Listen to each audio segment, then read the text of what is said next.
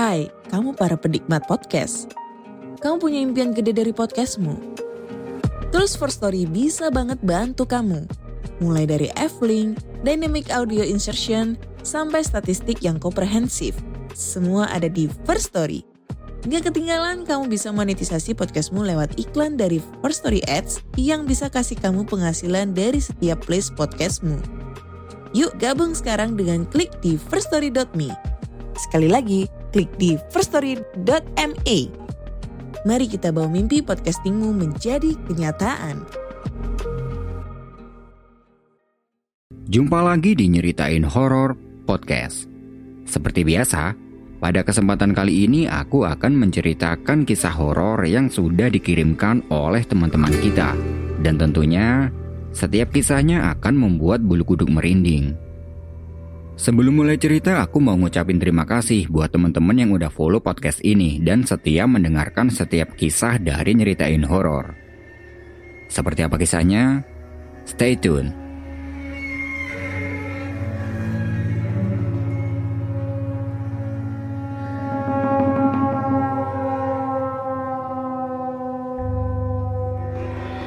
Berawal dari sebuah keinginan untuk mendaki gunung. Waktu itu Harry ada waktu senggang.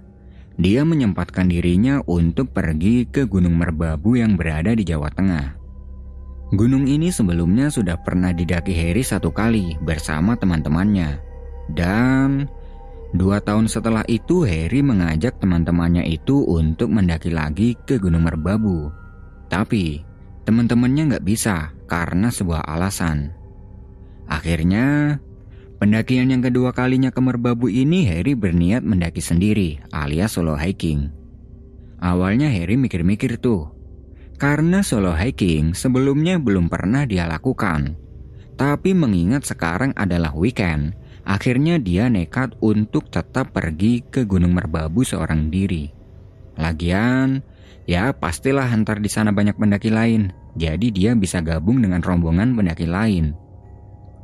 Dia mempersiapkan semua perbekalan yang sekiranya akan dia butuhkan selama di pendakian nanti.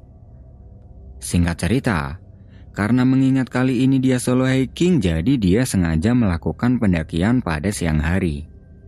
Pagi itu dia berangkat dari Klaten menuju ke base camp Gunung Merbabu via Selo. Setelah menempuh kurang lebih 1,5 jam perjalanan, sampailah dia di base camp. Sesampai di situ terlihat lumayan banyak pendaki lain yang mempunyai tujuan sama. Melihat itu Harry merasa lega. Ya setidaknya nanti dia ini tidak benar-benar solo hiking. Setelah meminta izin ke pos, dia berkenalan dengan satu rombongan dari Surabaya yang jumlahnya ada 10 orang. Mereka ada enam cowok dan empat cewek. Di situ dia ngobrol ke sana kemari. Dan akhirnya Harry gabung dengan mereka. Ya buat-buat nama teman juga. Setelah mengobrol panjang, sekitar jam 11 siang mereka memulai pendakiannya. Harry tidak ingat nama mereka satu persatu karena cukup banyak. Yang dia ingat hanyalah Mas Bagus selaku ketua rombongan dan Alika, seorang cewek yang menurut Harry caam-caam gitu. Di perjalanan itu Harry berjalan di paling belakang. Sambil berjalan, dia mengobrol dengan satu orang yang berjalan di depannya. Setelah menempuh kurang lebih tiga jam perjalanan, sampailah mereka di pos 1. Sesampai di situ mereka istirahat. Di pos 1 itu, terlihat ada beberapa pendaki lain yang juga sedang istirahat. Sesampai di sini masih belum ada kejadian mistis yang dirasakan Harry. Di pos satu itu, dia berpisah dengan rombongan asal Surabaya tadi karena mereka ingin cepat-cepat melanjutkan perjalanan. Sedangkan Harry, dia masih ingin istirahat di pos satu. Di situ dia menyapa pendaki yang ada di pos satu. Mereka merupakan rombongan asal Solo. Setelah cukup lama istirahat, Harry kembali melanjutkan perjalanan dengan rombongan tersebut.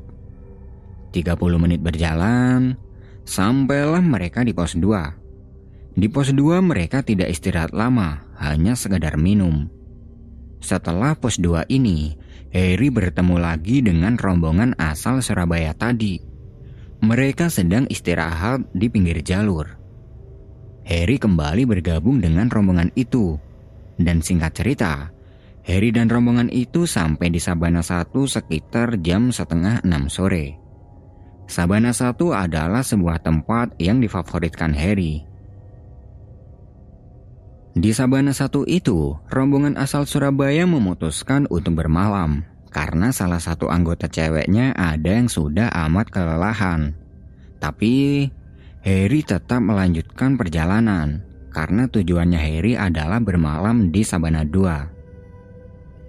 Sekitar jam setengah tujuh malam, Harry melanjutkan perjalanan menuju ke pos 3 seorang diri. Nggak sendiri juga sih, soalnya waktu itu dia banyak bersimpangan dengan pendaki yang akan turun. Singkat cerita, sampailah dia di pos 3 pada jam setengah delapan malam.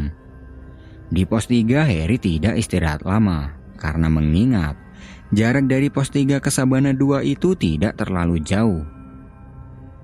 Setelah kurang lebih lima menit istirahat, dia berjalan lagi dan sampailah dia di Sabana 2. Di Sabana 2 itu terlihat banyak tenda pendaki yang sudah didirikan. Harry mencari tempat untuk dia mendirikan tenda juga. Setelah muter-muter di area situ, dia mendirikan tendanya di sebelah rombongan yang jumlahnya cukup banyak. Melihat Harry yang sedang sibuk mendirikan tenda, Rombongan tersebut menawari Harry untuk gabung. Sambil tersenyum, dia mengiyakan tawaran dari rombongan tersebut. Setelah tenda sudah didirikan, dia menghampiri rombongan tersebut dan bergabung. Mereka adalah rombongan dari Jogja yang jumlahnya kira-kira ada lima belasan orang dan beberapa di antaranya adalah cewek. Malam itu, mereka nongkrong di dekat api unggun yang dibuat pendaki tersebut sambil bercanda-bercanda dan ngopi-ngopi.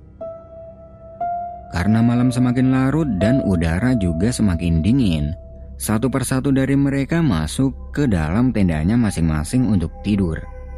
Di luar itu tinggal tiga orang, termasuk Harry, yang masih sibuk dengan kopinya dan ngobrol-ngobrol sambil sharing-sharing. Dua pendaki dari rombongan itu namanya adalah Saiful dan Halim.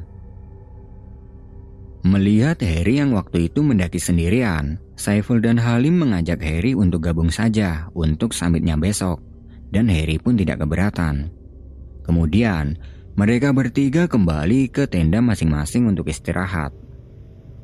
Nah, sekitar jam satu dini hari, Harry terbangun karena dia kebelet pipis. Sambil menahan udara dingin, dia keluar tuh dari tenda untuk mencari tempat pipis. Ketika sudah di luar tenda, dia melihat ada satu pendaki cewek yang sedang duduk di dekat bekas api unggun. Dia duduk sambil menempelkan dagunya di atas lutut.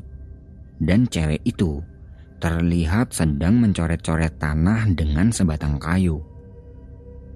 Waktu itu kondisi Sabana 2 sudah sangat sepi. Para pendaki lain sudah masuk ke tenda masing-masing untuk istirahat. Melihat keberadaan cewek itu, Harry menyapanya. Mbak, gak tidur? Pendaki cewek itu hanya tersenyum sambil menggelengkan kepalanya. Karena waktu itu niatnya Harry ingin pipis, dia mencari tempat untuk melaksanakan niatnya itu. Setelah selesai pipis, dia melihat cewek itu masih dalam posisi duduknya sambil mencoret-coret tanah dengan sebatang kayu. Harry menghampiri pendaki cewek itu dan bertanya. Ngapain malam-malam di luar mbak? Nggak dingin? Cewek itu menjawab. Enggak mas, masnya habis dari mana? Oh, saya habis pipis tadi. Jawab Harry. Kemudian, Harry ikut gabung dengan pendaki cewek itu sambil dia menyalakan api unggun yang sudah hampir mati. Mbak dari rombongannya Mas Saiful ya? Iya. Kenapa nggak tidur mbaknya? Nggak bisa tidur saya. Di sini Harry merasa ada sedikit aneh dengan cewek itu. Bisa-bisanya cewek itu tidak merasa kedinginan sama sekali. Padahal malam itu udaranya sangat dingin disertai angin yang berhembus pelan.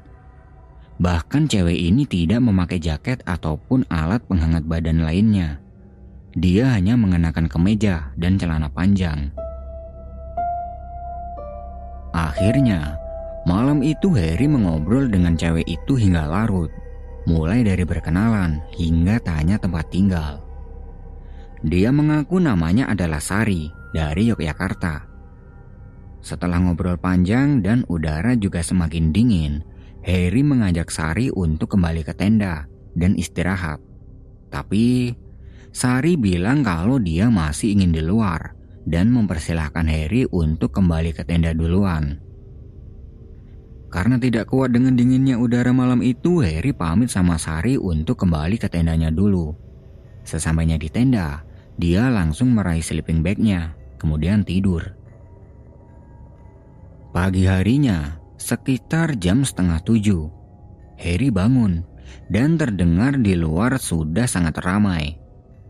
Harry keluar dari tenda untuk menghangatkan tubuhnya di bawah sinar matahari. Pagi itu, terlihat rombongan dari Jogja sedang sibuk masak makanan. Nah, sambil berjemur itu Harry melihat ke sana kemari untuk mencari Sari yang tadi malam ngobrol dengan dia. Tapi pagi itu dia tidak melihatnya. Harry berpikir, mungkin dia masih tidur. Secara semalam kan dia tidurnya larut banget. Setelah cukup menghangatkan tubuh, dia bergabung dengan rombongan itu untuk masak-masak. Setelah selesai masak, mereka makan-makan. Dan sampai makan-makan itu Harry tidak melihat keberadaan Sari. Tidak lama kemudian, terlihat Saiful meminta pada satu temannya untuk mengantarkan makanan ke dalam tenda. Tanpa bertanya, Harry menyimpulkan sendiri Mungkin Sari masih ada di dalam tenda dan makanan itu sengaja diantar untuknya. Setelah selesai makan-makan, mereka bersiap-siap akan melanjutkan perjalanan samit ke puncak. Waktu itu Harry membawa kamera digital. Karena waktu itu pemandangan di Sabana 2 luar biasa indah. Dia motret-motret pemandangan dan dia menggantungkan kameranya itu di lehernya. Dengan tujuan agar dia bisa mengabadikan momennya sambil jalan samit. Harry berjalan rame-rame dengan rombongan asal Jogja itu. Sambil berjalan, Harry motret-motret pemandangan, hingga tidak terasa dia tertinggal cukup jauh dari rombongannya itu. Tapi tak apalah, lagian puncak juga sudah jelas. Jadi dia berjalannya santai banget sambil menikmati pemandangan yang ada. Ketika sedang asik motret-motret itu, dari kejauhan Harry melihat Sari sedang duduk di sebelah jalur pendakian. Loh, itu kayaknya si Sari. Batin Harry. Dia mendekatinya ke tempat Sari duduk. Dan ternyata itu memang benar-benar Sari. Dia sedang duduk seorang diri. Lalu Harry bertanya, Mbak Sari, ngapain di sini? Kok nggak bareng sama rombongannya? Sari menjawab. Capek saya mas, makanya saya berhenti. Melihat Sari yang sedang sendirian, Harry mengajaknya untuk jalan bareng menuju ke puncak, dan Sari pun mau. Mereka berdua jalan bareng ke puncak. Sambil berjalan, Harry tanya-tanya banyak pada Sari, tapi Sari hanya menjawabnya dengan singkat. Sepertinya Sari ini adalah tipe orang yang sangat cuek dengan orang yang baru dia kenal. Atau mungkin Sari sedang tidak enak badan karena waktu itu wajahnya Sari terlihat cukup pucat. Terus berjalan. Ketika akan sampai di puncak Kenteng Songo, Sari mempersilahkan Harry agar berjalan duluan. Dengan alasan, dia pengen istirahat dulu Akhirnya Harry berjalan duluan menuju ke puncak Kenteng Songo dan meninggalkan Sari. Lagi pula, puncak udah tinggal beberapa langkah doang, jadi nggak ada yang perlu dikhawatirkan. Sesampainya di puncak, Harry merasa sangat senang. Dia bangga dengan dirinya sendiri karena dia bisa solo hiking dan mencapai puncak ini. Di puncak dia mengabadikan momennya. Setelah cukup puas dengan itu, dia bergabung lagi dengan rombongan asal Jogja tadi yang mereka terlihat sedang berkumpul sambil berfoto-foto. Ketika sudah bergabung, Harry mencari cewek yang tadi jalan bareng dengannya, yaitu Sari. Tapi waktu itu dia tidak melihatnya. Dia bertanya pada Saiful. Masih Pul, anggotanya yang bernama Sari mana? Sambil berpikir, Saiful menjawab. Sari? Gak ada perasaan. Gak ada yang namanya Sari deh mas. Harry berpikir, masa sih gak ada yang namanya Sari? Padahal tadi jelas-jelas aku ini jalan bareng Sari loh. Saiful kemudian bertanya, Memangnya Mas Heri ketemu Sari di mana? Barusan saya jalan ke sini sama dia. Bukan cuma tadi sih. Semalam juga saya sempat ngobrol dengan Sari di camp. Karena takut itu benar-benar anggotanya, Saiful bertanya pada anggotanya yang cewek, apa ada yang mempunyai nama Sari? Tapi, satu dari tujuh cewek yang ada di situ nggak ada yang namanya Sari. Nah, udah jelas banget nih di sini. Kalau dalam rombongannya itu tidak ada yang namanya Sari. Melihat keadaan ini, Harry bingung. Terus, Sari yang dia kenal itu siapa?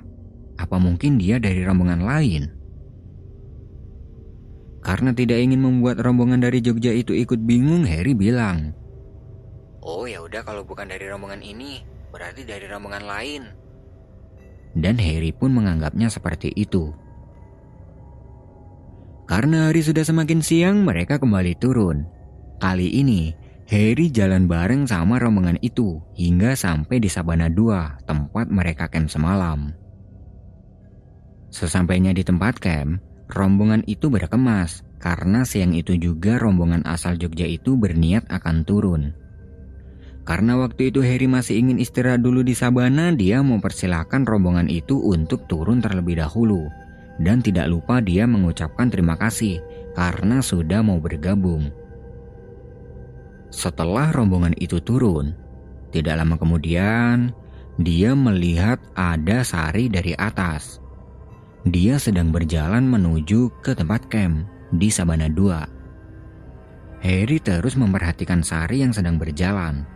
Tapi, sesampainya Sari di Sabana 2 dia tidak berhenti. Dia terus aja berjalan turun.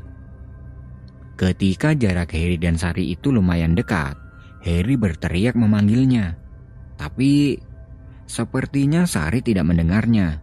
Dia terus aja jalan turun. Harry yang penasaran dengan sosok Sari, dia segera mengemasi barang-barangnya untuk mengejar si Sari. Setelah barang sudah terkemas, dia bergegas turun. Dia jalannya cepat banget dengan tujuan untuk mengejar Sari. Tapi di sepanjang perjalanan hingga sampai di pos 3 dia tidak bertemu dengan yang namanya Sari. Dalam hati Harry bilang, ini cewek kok jalannya cepet banget ya? Di pos 3 itu Harry bertanya pada beberapa pendaki lain yang sedang istirahat. Apakah ada yang melihat pendaki cewek yang mengenakan kemeja kotak-kotak merah yang sedang lewat sini? Tapi mereka pendaki yang ada di pos 3 itu bilang tidak tahu jadi antara tidak melihat dan tidak tahu. Kemudian, ada satu pendaki yang tiba-tiba bilang ke Harry. Oh, mbak-mbak yang pakai kemeja merah ya? Dia jalan sendirian nggak? Harry menjawab. Iya mas, iya bener itu orangnya. Pendaki itu lalu bilang. Tadi perasaan dia udah jalan turun mas. Mendengar itu, Harry bergegas melanjutkan perjalanan turun dan tidak lupa mengucapkan terima kasih pada pendaki yang ada di situ. Tapi, sampai Harry tiba di Sabana 1, dia tidak juga melihat Sari. Karena tidak juga melihat Sari, akhirnya ya sudahlah, biarkan saja. Dia membuang rasa penasarannya itu terhadap Sari dan kembali melanjutkan perjalanan seperti biasa. Kali ini dia berjalan sambil menikmati perjalanannya. Dan Ketika Harry berjalan antara Sabana 1 menuju ke pos 2, dari kejauhan dia melihat ada pendaki cewek yang memakai kemeja kotak-kotak merah, yang tidak lain itu adalah Sari. Karena dari ciri-cirinya Harry masih ingat betul. Harry mempercepat jalannya untuk mengejar Sari, tapi dia kehilangan jejak tepatnya di sebuah tikungan di jalur menuju ke pos 2 itu. Jadi setelah melewati tikungan, tiba-tiba Sari sudah tidak terlihat lagi. Di sini Harry sudah menaruh curiga terhadap Sari. Apa jangan-jangan Sari itu bukan manusia? Tapi entahlah, Harry membuang pikiran negatifnya itu dan mempercepat jalannya turun. Sesampainya di pos 1, dia bertemu lagi dengan pendaki asal Jogja kemarin. Mereka sedang istirahat di situ. Harry menghampiri mereka dan bergabung lagi sambil matanya memperhatikan setiap cewek yang ada di pos satu itu. Siapa tahu di sini dia bertemu dengan Sari. Tapi alhasil tetap saja dia tidak melihat adanya Sari di pos satu itu. Akhirnya ya sudahlah, berarti fix bahwa cewek yang bernama Sari itu mungkin bukan manusia. Entah itu jin atau setan yang memang sengaja menyerupai pendaki. Dan untungnya, dia tidak ada niatan jelek pada Harry. Mulai dari pos 1 itu, Harry berjalan bareng dengan rombongan asal Jogja hingga sampai kembali di base camp dengan selamat. Sesampainya di base camp, dia bersih-bersih badan, kemudian berpisah dengan rombongan asal Jogja itu, terutama pada Saiful selaku ketua rombongan tersebut.